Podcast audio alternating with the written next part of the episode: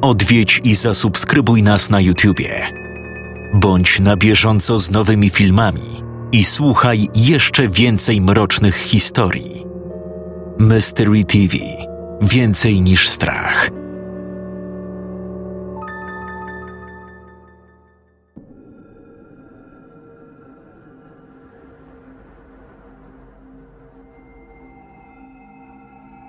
Część pierwsza. Śnieżny fort. Boże Narodzenie zawsze było magicznym czasem dla młodego Christophera. Odkąd pamiętał, święty Mikołaj wchodził do domu przez komin, układał prezenty pod choinką, zjadał ciasteczka, wypijał kakao i zabierał przekąski dla swoich reniferów. Potem znikał, nie zostawiając po sobie śladu. No, może z wyjątkiem kilku okruszków i odcisków kopyt na zewnątrz. Christopher uwielbiał tajemniczy klimat tego wyjątkowego okresu w roku. Jak większość dzieci, Christopher obsesyjnie próbował przyłapać Mikołaja w akcji. Ależ mógłby się chwalić przed kolegami, gdyby w końcu udało mu się zrobić jakieś zdjęcie lub nagrać latające renifery. Niecierpliwie czekał na kolejną okazję, a w tym roku wybitnie pragnął dopiąć swego. Widzicie, Christopher ułożył genialny plan. Nie miał prawa się nie udać. Jego próby w poprzednich latach, a dokładnie było ich cztery, pokazały mu, co na pewno nie zadziała. Nie zamierzał zatem nasłuchiwać dzwoneczków przez całą noc, czy ustawiać kamer naprzeciwko kominka. Nic z tych rzeczy. Pan Mikołaj był na to za sprytny. W tym roku Christopher ukryje się na zewnątrz, w zaspie śniegu. Po tym, jak rodzice położą się spać, zabierze termostaty, wleje do niego ciepłe kakao i schowa się w śnieżnym forcie, który zbudowali w ogródku razem z bratem. Tego Mikołaj na pewno nie będzie się spodziewał. Nocne czuwanie nie było dla niego problemem. Końcu chłopak miał już dziewięć lat i wiedział, że i tak trudno jest zasnąć w wigilię. Mimo wszystko nie chciał ryzykować. Wziął więc z garażu żyłkę wędkarską, przywiązał jeden koniec do drzwiczek kominka, a potem pociągnął drugi aż do swojej śnieżnej kryjówki. Gdy w końcu zjawi się Mikołaj, wszystko będzie nagrywał komórką swojego brata. Wola. W wigilijny wieczór Christopher poszedł do swojego pokoju i położył się, udając, że zasnął. Czekał cierpliwie, aż rodzice pójdą spać. Wydawało mu się, że leży w łóżku już całe wieki, gdy w końcu usłyszał skrzypnięcie i odgłos zamykania drzwi sypialni na końcu korytarza. Poleżał jeszcze pół godziny, upewniając się, że w domu panuje całkowita cisza, a potem wyślizgnął się spod kołdry. Ubrał się, wziął termos oraz żyłkę, którą wykradł już wcześniej i zszedł po schodach, powoli i ostrożnie, uważając na skrzypiący trzeci schodek od góry. Drzwi frontowe to ostatnia przeszkoda – Musiał je otworzyć i zamknąć za sobą, nie robiąc przy tym wielkiego hałasu. Zaczynał już się pocić w swoim grubym kombinezonie. Wstrzymał oddech aż do momentu zamknięcia drzwi. Na górze nie zapaliły się żadne światła. Szedł tyłem, kierując się do śnieżnego muru, w tym samym czasie rozwijając żyłkę gdy usiadł na miejscu, głęboko westchnął. Nareszcie. Christopher siedział na straży mniej więcej przez godzinę, zanim poczuł, że ogarnia go senność. Próbował z tym walczyć, ale niestety nie dał rady. Oparł się o śnieżną zaspę i zasnął, licząc na to, że obudzi go szarpanie linki. Dwie godziny później, około drugiej nad ranem, Christopher poczuł, jak coś ciągnie żyłkę. Na początku jego pogrążony we śnie mózg wkomponował to uczucie w jakieś niewyraźne, senne majaczenie. Jednak wkrótce dotarły do niego rzeczywiste bodźce. Natychmiast usiadł prosto z walącym sercem, nerwowo chwytając za telefon. Ostrożnie wychylił głowę przez otwór w śnieżnej ścianie. Przed drzwiami stały dwie osoby ubrane na czarno. Zamarł. Chwilowo nie był w stanie myśleć, ale przeczuwał, że tych dwoje raczej nie ma dobrych zamiarów. Sparaliżował go strach. Christopher zmoczył spodnie. Zemdlał i wylądował twarzą w śniegu. Kilka minut później obudziły go przerażające krzyki matki. Część druga. Jak płatek śniegu. Chris od czasu morderstwa rodziców już nie Christopher. Nie rozmawiał ze swoim bratem Jonathanem już prawie przez rok. Od tamtych świąt minęły dwie dekady. Nieważne, jak bardzo starał się Chris, bracia nie mogli wytrzymać ze sobą dłużej niż kilka dni. W tamtą wigilijną noc Jonathana obudził głód, więc chciał zejść do kuchni po przekąskę. Po drodze zauważył, że Chrisa nie ma w łóżku. Schodząc po schodach, spodziewał się, że zobaczy brata leżącego na kanapie i czyhającego na Mikołaja, jak co roku. Właśnie wtedy rozległo się skrzypnięcie drzwi wejściowych i dwóch ubranych na czarno mężczyzn wślizgnęło się przez nie do środka. Jak najszybciej pobiegł na górę, by chwycić za komórkę i zadzwonić na 911, ale nie mógł znaleźć telefonu. Oczywiście Jonathan obwiniał Chrisa za wszystko, co się wtedy wydarzyło. Dwóch włamywaczy weszło na piętro. Jonathan ukrył się w koszu na pranie. Usłyszał krzyk matki, ale był zbyt wystraszony, żeby wyjść. Słyszał, jak mężczyźni uciekają, zabierając ze sobą brzęczącą biżuterię. A potem pobiegł do sypialni rodziców. To, co później zobaczył, na zawsze wyryło się boleśnie w jego pamięci. Chwiejnym krokiem zszedł po schodach. W kuchni na podłodze siedział Chris. Patrzył przed siebie nieobecnym spojrzeniem – Cuchnęło od niego moczem. Jonathan wyrwał mu z dłoni komórkę i zadzwonił na 911. Po latach terapii i kolejnych domów zastępczych, Jonathan dalej nie był w stanie wybaczyć Chrisowi. To była jego wina, że nie mógł wezwać pomocy na czas. To on nie zamknął na klucz frontowych drzwi. Jonathan nie umiał przebywać w obecności Chrisa, nie wypominając mu tego wszystkiego. Ostatnio jednak bracia zaplanowali wspólny lunch. Jonathan miał pewne wątpliwości, ale jego żona, Molly, bardzo nalegała, żeby utrzymywał kontakt z tak bliskim członkiem rodziny. Tak więc siedzieli teraz razem przy wspólnym stole, spożywając w najlepsze tłuste potrawy – które z pewnością skrócą im nieco życie.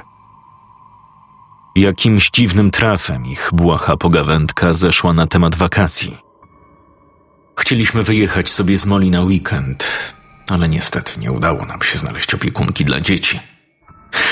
O, cóż, może innym razem, wyznał Jonathan. Ja mogę popilnować dzieci przez weekend. Nie mam żadnych planów. W sumie to Długo już ich nie widziałem. Zaproponował Chris, usiłując wkupić się jakoś w łaski brata, jak zawsze. Jonathan nie mógł przestać myśleć o tym, co w końcu z siebie wykrztusił. Nie byłbym spokojny o dzieci. Stwierdził szorstko. Chris spojrzał Jonathanowi prosto w twarz. Oczy zaszkliły mu się z wyrazem cierpienia. Wytarł usta. Wstał, położył na stole dwadzieścia dolarów i wyszedł z baru. Taki właśnie był finał. Jonathan rzucił kolejną kąśliwą uwagę, a Chris uniósł się honorem, kończąc i tak niełatwe spotkanie w ciężkiej atmosferze. Na odchodne spojrzał jeszcze na brata wzrokiem zbitego psa. Ale Jonathan nie był w stanie kolejny raz podnieść na niego wzroku. Tymczasem Chris próbował jakoś żyć dalej, podejmując terapię po dramatycznych wydarzeniach z dzieciństwa. Widząc trumny rodziców opuszczane w dół do zimnego dołu, tego śnieżnego styczniowego dnia, przeżył ogromny szok. Brat nie potrafił spojrzeć mu w oczy. Pani ze służby ochrony dzieci cuchnęła lakierem do włosów i papierosami. Nie chciała go nawet potrzymać za rękę. Co z nim teraz będzie? Zostaną z bratem rozdzieleni? Jak to się stało, że Mikołaj nie przyszedł? Przez to, że się nie pojawił, był częściowo winny. Christopher zasnął w zaspie śniegu, a obudził się już bez rodziców. Teraz, po powrocie z tego dziwnego spotkania, siedział w swoim boksie biurowym, wypełniając nudne obowiązki w bezsensownej pracy bez perspektyw, dobrej dla dzieciaków wychowanych bez rodziców, którzy wyrośli na nieszczęśliwych dorosłych, pozbawionych rodzicielskiej miłości. Spędził tu ostatnie dwadzieścia lat życia. Monotonnie wstukiwał cyferki i symbole w arkusz kalkulacyjny w firmie Sentinel Home Security, podczas gdy w głębi duszy czuł, jak spada wirującym ruchem w otchłań, niczym płatek śniegu, pogrążając się w żalu i rozpaczy, czując jedynie ciężar swojej winy i ogromną tęsknotę. Dla Christophera święta już na zawsze zostały odarte z radości. Brat go nienawidził, ale za co? Za to, że wesoły, gruby staruszek zawodził go rok po roku?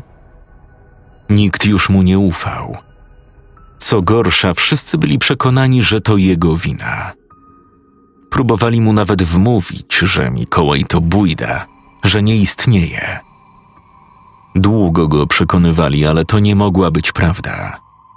Jeśli była, znaczyłoby, że Christopher pozbawił swoich rodziców szansy na przeżycie. Mikołaj nie był święty. O nie. Był zwykłym gościem, który nieustannie przynosi komuś zawód. Po morderstwie dobry staruszek z brodą przestał odwiedzać Christophera Zmieniał kolejne domy, już nigdy nie dostał tego, czego zażyczył sobie w listach. W końcu przestał je pisać. Umieścił za to Mikołaja na swojej specjalnej liście. Liście ludzi, którzy go opuścili. Doświadczenie pokazało mu, że mówiąc z pogardą o starcu w czerwonym stroju, spotyka się ze zdziwionymi, pogardliwymi spojrzeniami w zasadzie u wszystkich dookoła. Zdał sobie sprawę, że większość ludzi idealizuje postać Mikołaja, który w dziecięcym micie przedstawiony jest jako niezdolny do robienia krzywdy. Jakże się jednak mylą. Święty Mikołaj spowodował śmierć jego rodziców. Był tajemniczym, złym człowiekiem. Dzień po dniu Chris zamykał się w sobie. Narastało w nim tylko poczucie winy i desperacka potrzeba, by ludzie zrozumieli. Ponad wszystko pragnął jednak, żeby zrozumiał go jego brat, Jonathan. Żeby wybaczył mu zbrodnię, której nigdy tak naprawdę nie popełnił. Pewnego listopadowego wieczoru, gdy człapał się po rozmokniętym śniegu na chodniku, Wracając do domu, zwrócił uwagę na pokaźnych rozmiarów witrynę sklepową. Przez szybę dostrzegł telewizor 4K, który w całej okazałości ekranu odtwarzał właśnie film Jak Grinch ukradł święta. Pomysł spadł na niego nagle, jak grom z jasnego nieba, rozbudzając megalomanię podsycaną przez atmosferę zbliżających się świąt.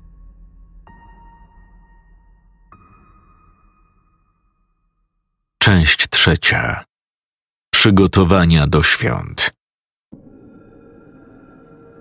Pomysł naśladowania świętego Mikołaja był prosty, a jednocześnie genialny. Chris bez problemu podoła zadaniu. To nie będzie zwykła imitacja, tylko ulepszona wersja tego przaśnego grubaska. O strój nie było ciężko, nawet nie będzie go wiele kosztował. Zresztą pieniądze nie stanowiły problemu. Chris nie wydawał za dużo, jedynie na zaspokojenie podstawowych potrzeb. A pomyśleć tylko, ile radości sprawi realizując swój cel. I dzieci, i dorośli przekonają się w końcu o tym, co Chris wiedział już od dawna. A najlepsze jest to, że może zacząć od dzieci Jonathana. Dzięki temu piecze dwie pieczenie na jednym ogniu. O ile tylko sam się nie zdradzi. Zakradnie się do nich w wigilijną noc. Zostawi prezenty, a wtedy Jonathan będzie musiał uwierzyć, że przyniósł je sam święty Mikołaj. Udowodni w ten sposób swoją wersję, w której to właśnie Mikołaj jest winny śmierci ich rodziców, bo jest prawdziwy. Niezawodny plan. Wystarczyło tylko znaleźć strój i przekonać się, o czym marzą Samantha i Michael.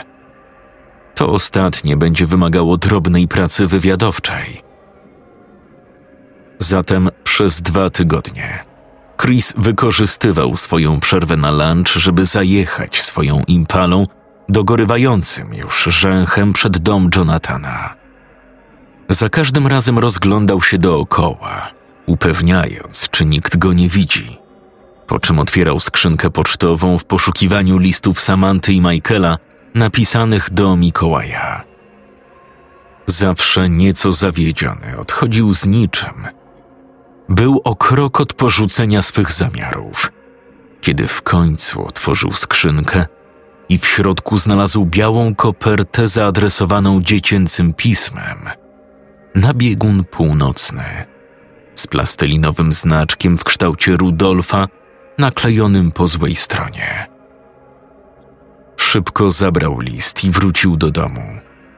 Rozpierała go prawdziwa duma ze swojego mistrzowskiego planu – Zawartość listu złamała Chrisowi serce, ale tym samym utwierdziła tylko w zamiarze wykonania jego ważnej misji. Kochany Mikołaju, mój tata byłby zły, jakby znalazł ten list. Mówi, że nie jesteś prawdziwy i że to tylko dorośli chcą zrzucić na ciebie odwidzialność. Ale ja w ciebie wierzę. Mam tylko pięć lat ale wiem, że jak tata był mały, to coś mu się stało. W te święta chcę tylko, żebyś mu pokazał, że istniejesz. Obojętnie jak. Ja tylko chcę, żeby tata poczuł się lepiej. Buziaki, Michael.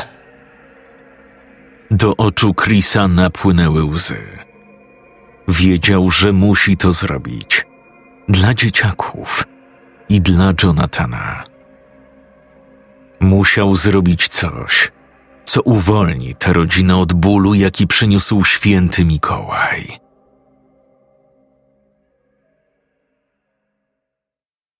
Część czwarta. Przy choince.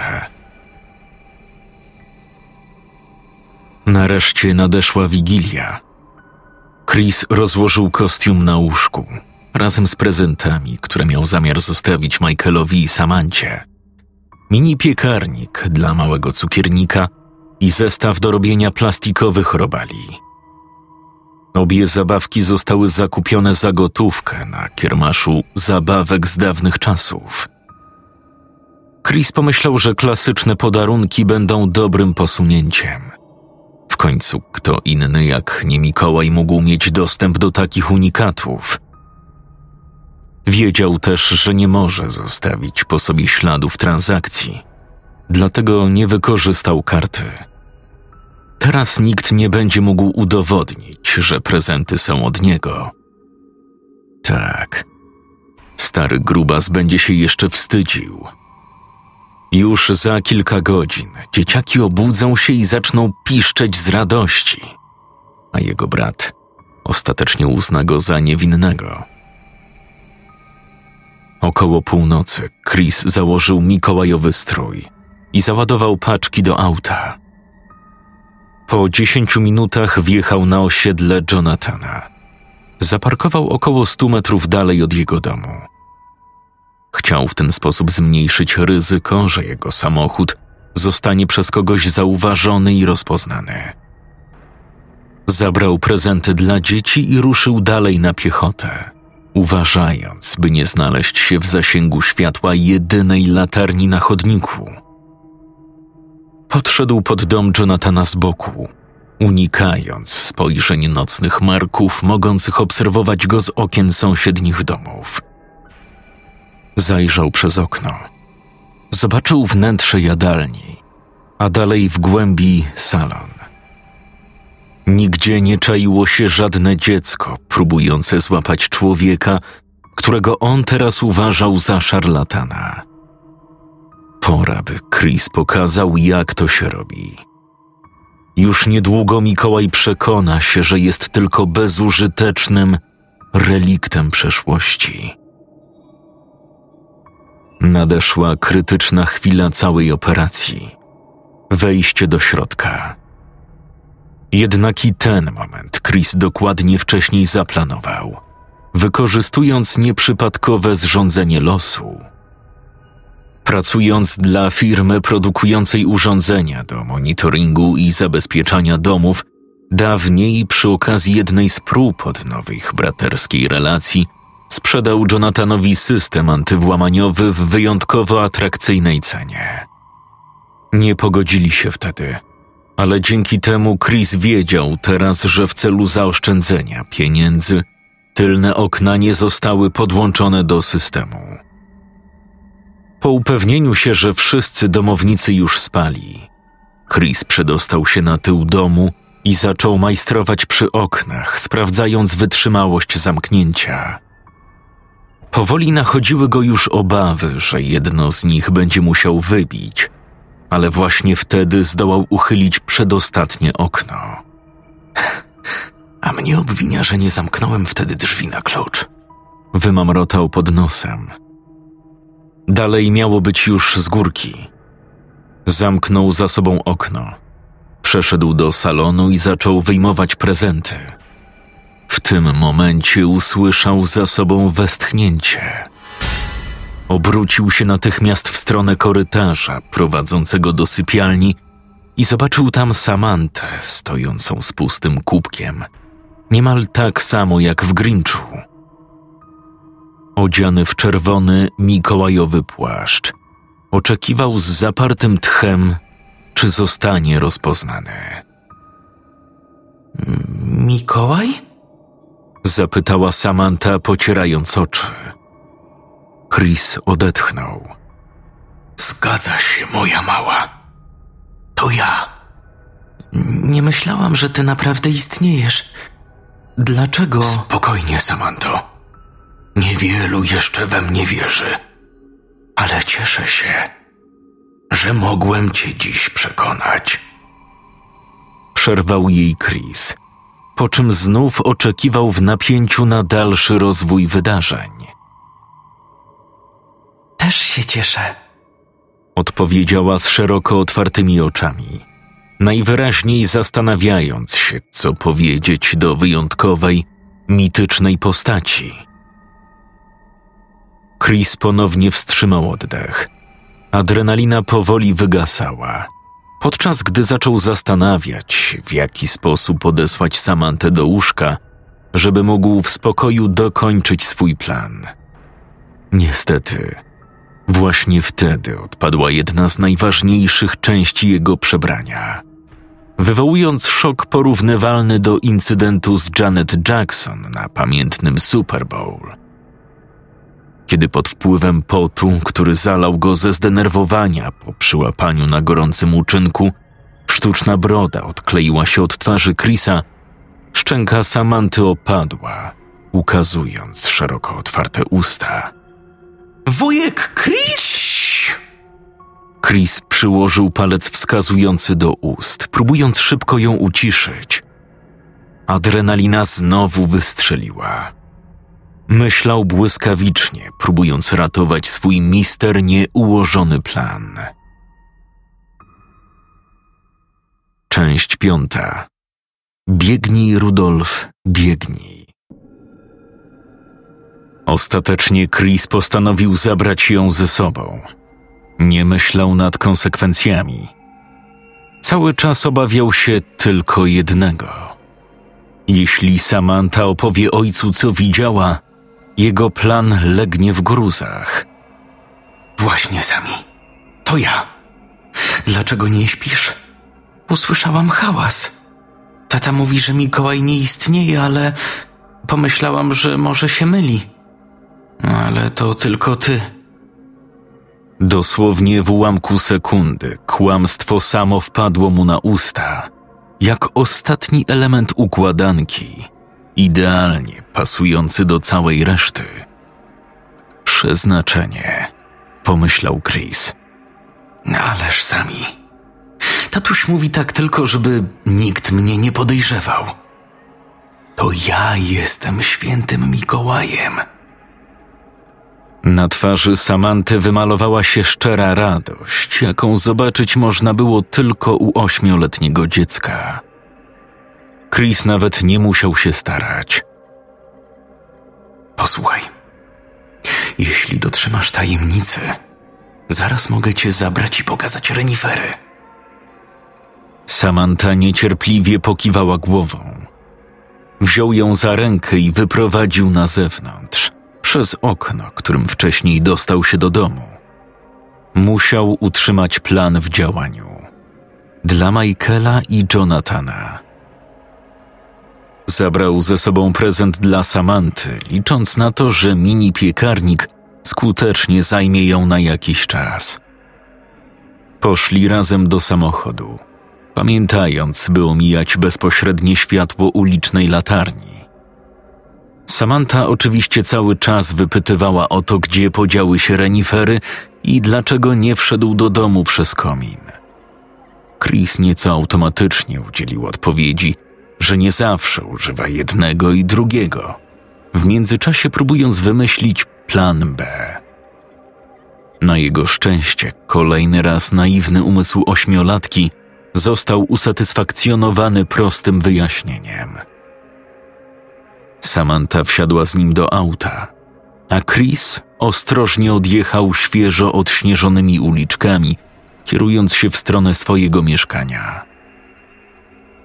Będąc już na miejscu, powiedział Samancie, że skoro go zobaczyła, plany na wieczór musiały ulec zmianie. W tym roku elfy dokończą za niego robotę, a ona będzie musiała być bardzo cierpliwa, bo przez kolejny dzień lub dwa jego magiczni pomocnicy nie będą mogli wrócić po nich, żeby zabrać ich do jego domu na biegunie północnym. Dał bratanicy mini piekarnik i zostawił ją w swoim ciasnym salonie, podczas gdy sam wyszedł do łazienki. Jego plan znów zaczynał trzymać się kupy. Chris chwycił kilka tabletek Xanaxu, które zostały mu w szafce za lustrem po latach leczenia psychiatrycznego i użył szklanki, żeby rozgnieść je na proszek. Wsypał lek do pustego opakowania po tabletkach i schował go do kieszeni. Samantha raczej nie będzie grzecznie współpracować, jak zobaczy, że wyjeżdżają z miasta. Potem poszedł do szafy i otworzył swój mały sejf kupiony w Walmarcie.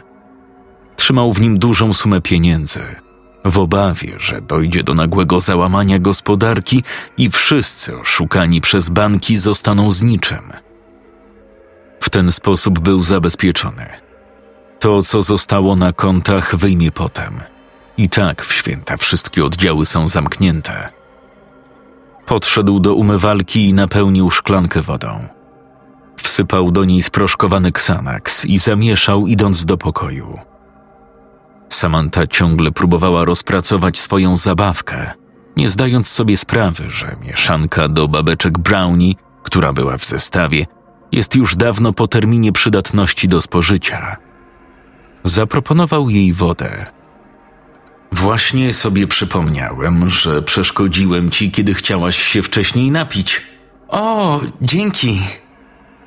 Popijając, co jakiś czas pytała o biegun północny. Jak dużo było tam elfów? Jakim cudem renifery latały? Jak dużo czasu zajmuje zrobienie tylu prezentów? Chris na wszystko znajdował szybkie odpowiedzi, ulegając jej dociekliwości, aby tylko wypiła napój do końca.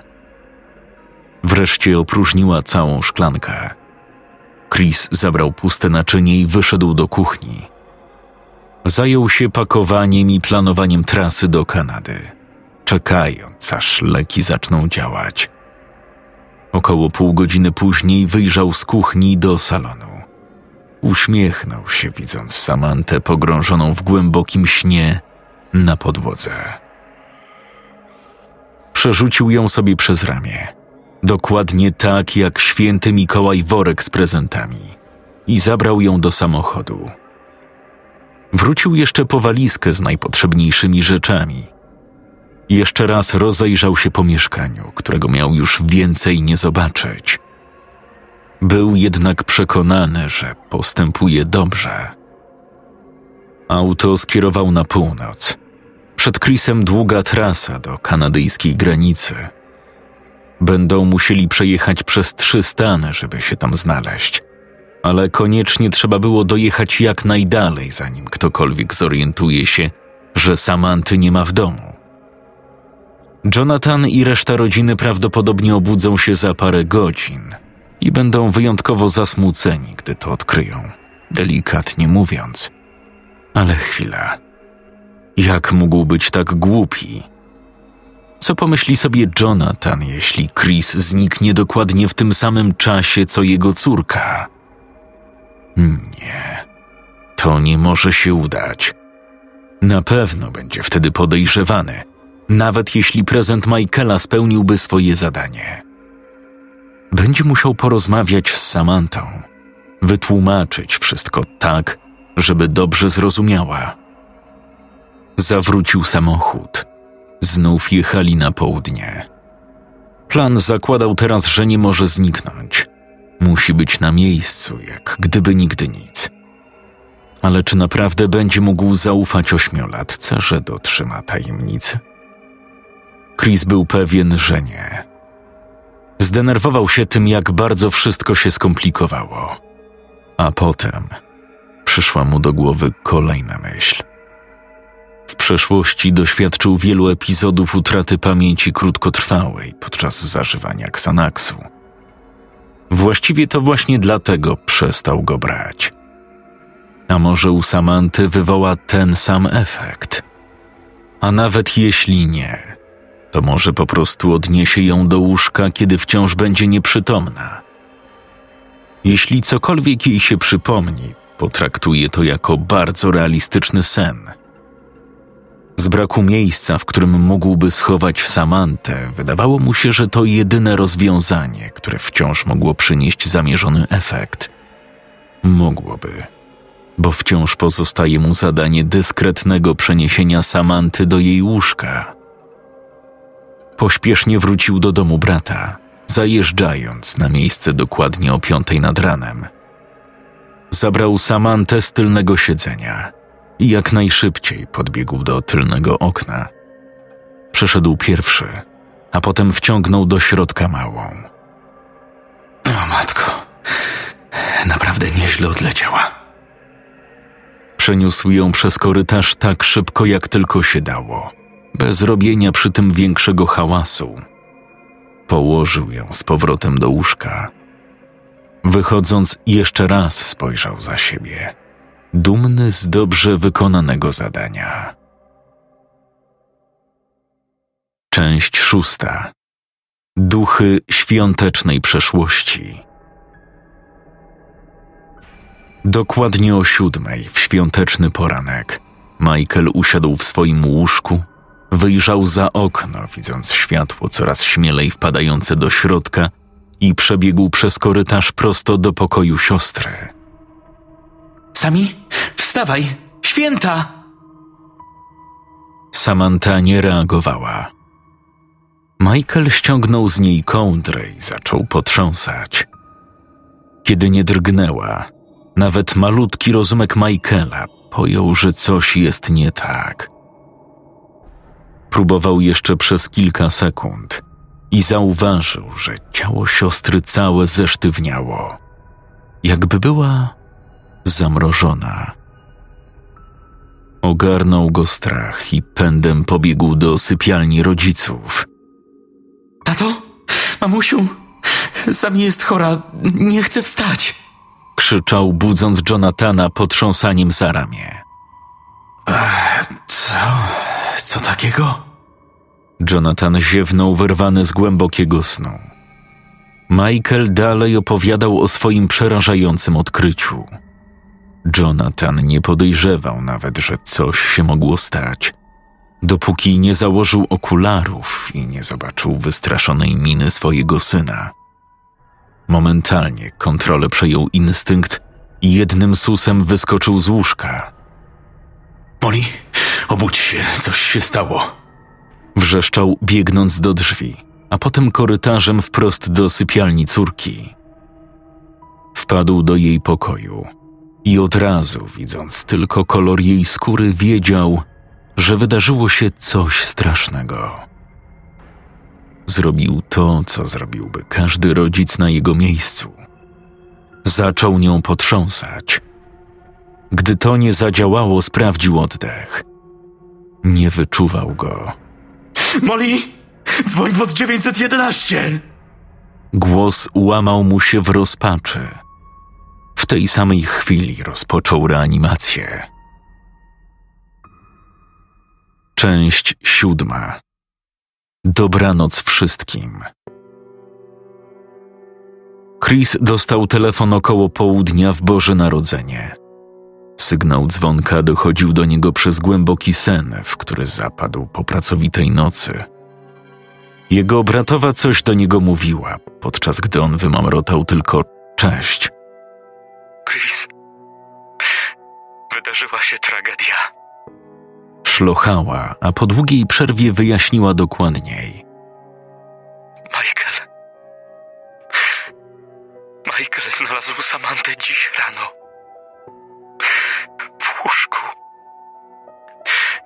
Zmarła we śnie. Załamała się i wybuchła płaczem, kończąc zdanie. Chris natychmiast się podniósł, zasłaniając ręką usta. Co on najlepszego zrobił? Momentalnie zrozumiał, co się stało. Podał jej za dużo leku. Zabił ją. Po twarzy zaczęły spływać mu łzy. O mój Boże. Oli. Mimo wszystko instynkt samozachowawczy był silniejszy niż poczucie winy. Musiał kłamać, jeśli chciał osiągnąć swój cel. W końcu Michael zauważy, że dostał prezent od Mikołaja. Jonathan zresztą też. Był bardzo ostrożny, a jedyny słaby punkt całego planu został na zawsze uciszony. Chociaż nie taki miał zamiar. Molly, co się stało? Co z Michaelem? Tydzień później przyszedł na czuwanie przed pogrzebem Samanty. Nie musiał udawać smutku. Bardzo ją kochał. Jednak odeszła w imię wyższego dobra.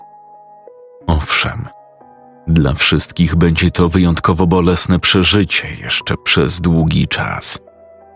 ale zaczął już widzieć efekty swoich dokładnie przemyślanych działań. Jonathan pozwolił Michaelowi otworzyć swój prezent, żeby odciągnąć go choć na chwilę od całego nieszczęścia. Nie wiedział, co ma o tym sądzić. Michael oczywiście był przekonany, że dostał zabawkę od świętego Mikołaja. Jonathan nie do końca. Chris podsłuchał, jak jego brat ściszonym głosem rozmawia o tym z przyjaciółmi. Ostrożnie do nich podszedł. Jonathan, ja.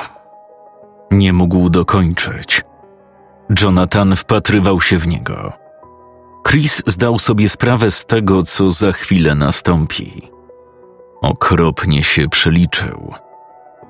To byłeś ty? Ryknął Jonathan, przyciągając Chrisa za krawat. Co? O czym ty mówisz? Kilku przybyłych podbiegło do nich, by odciągnąć ojca zmarłej od własnego brata. Jonathan krzyczał coś o prezencie. Twierdził, że Chris jest zamieszany w tę sprawę.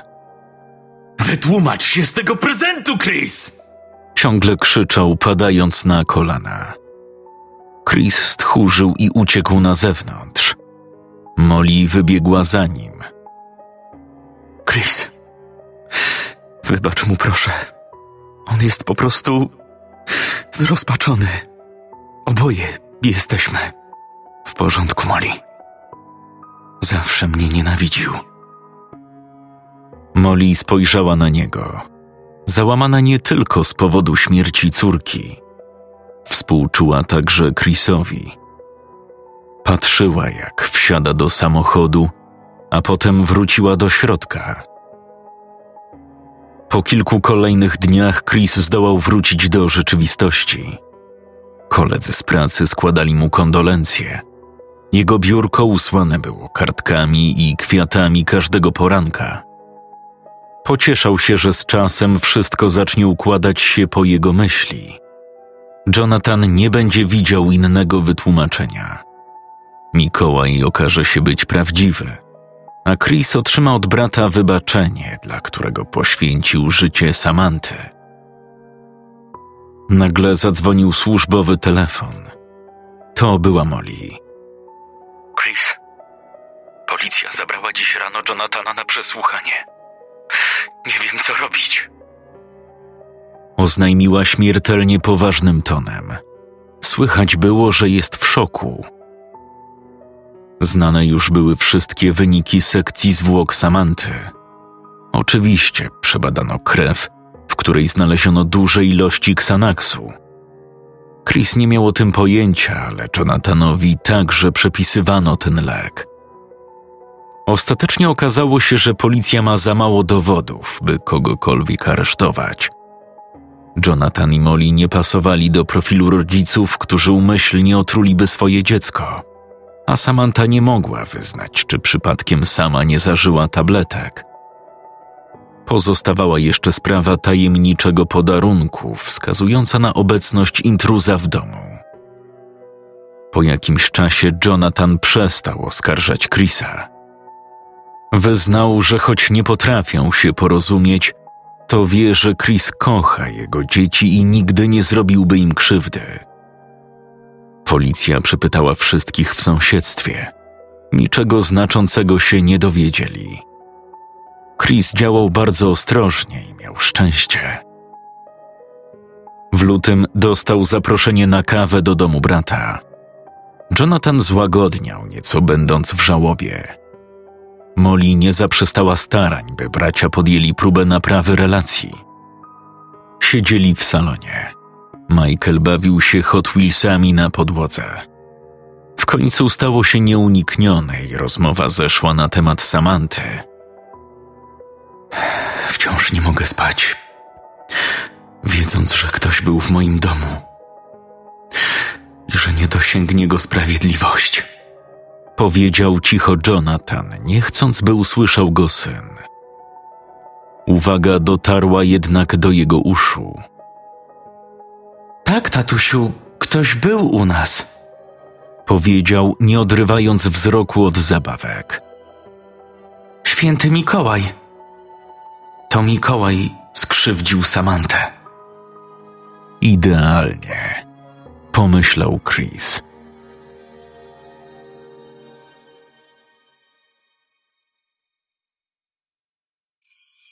Drodzy widzowie kanału Mystery TV, chciałbym w imieniu swoim, a także całej ekipy złożyć najlepsze życzenia z okazji świąt Bożego Narodzenia.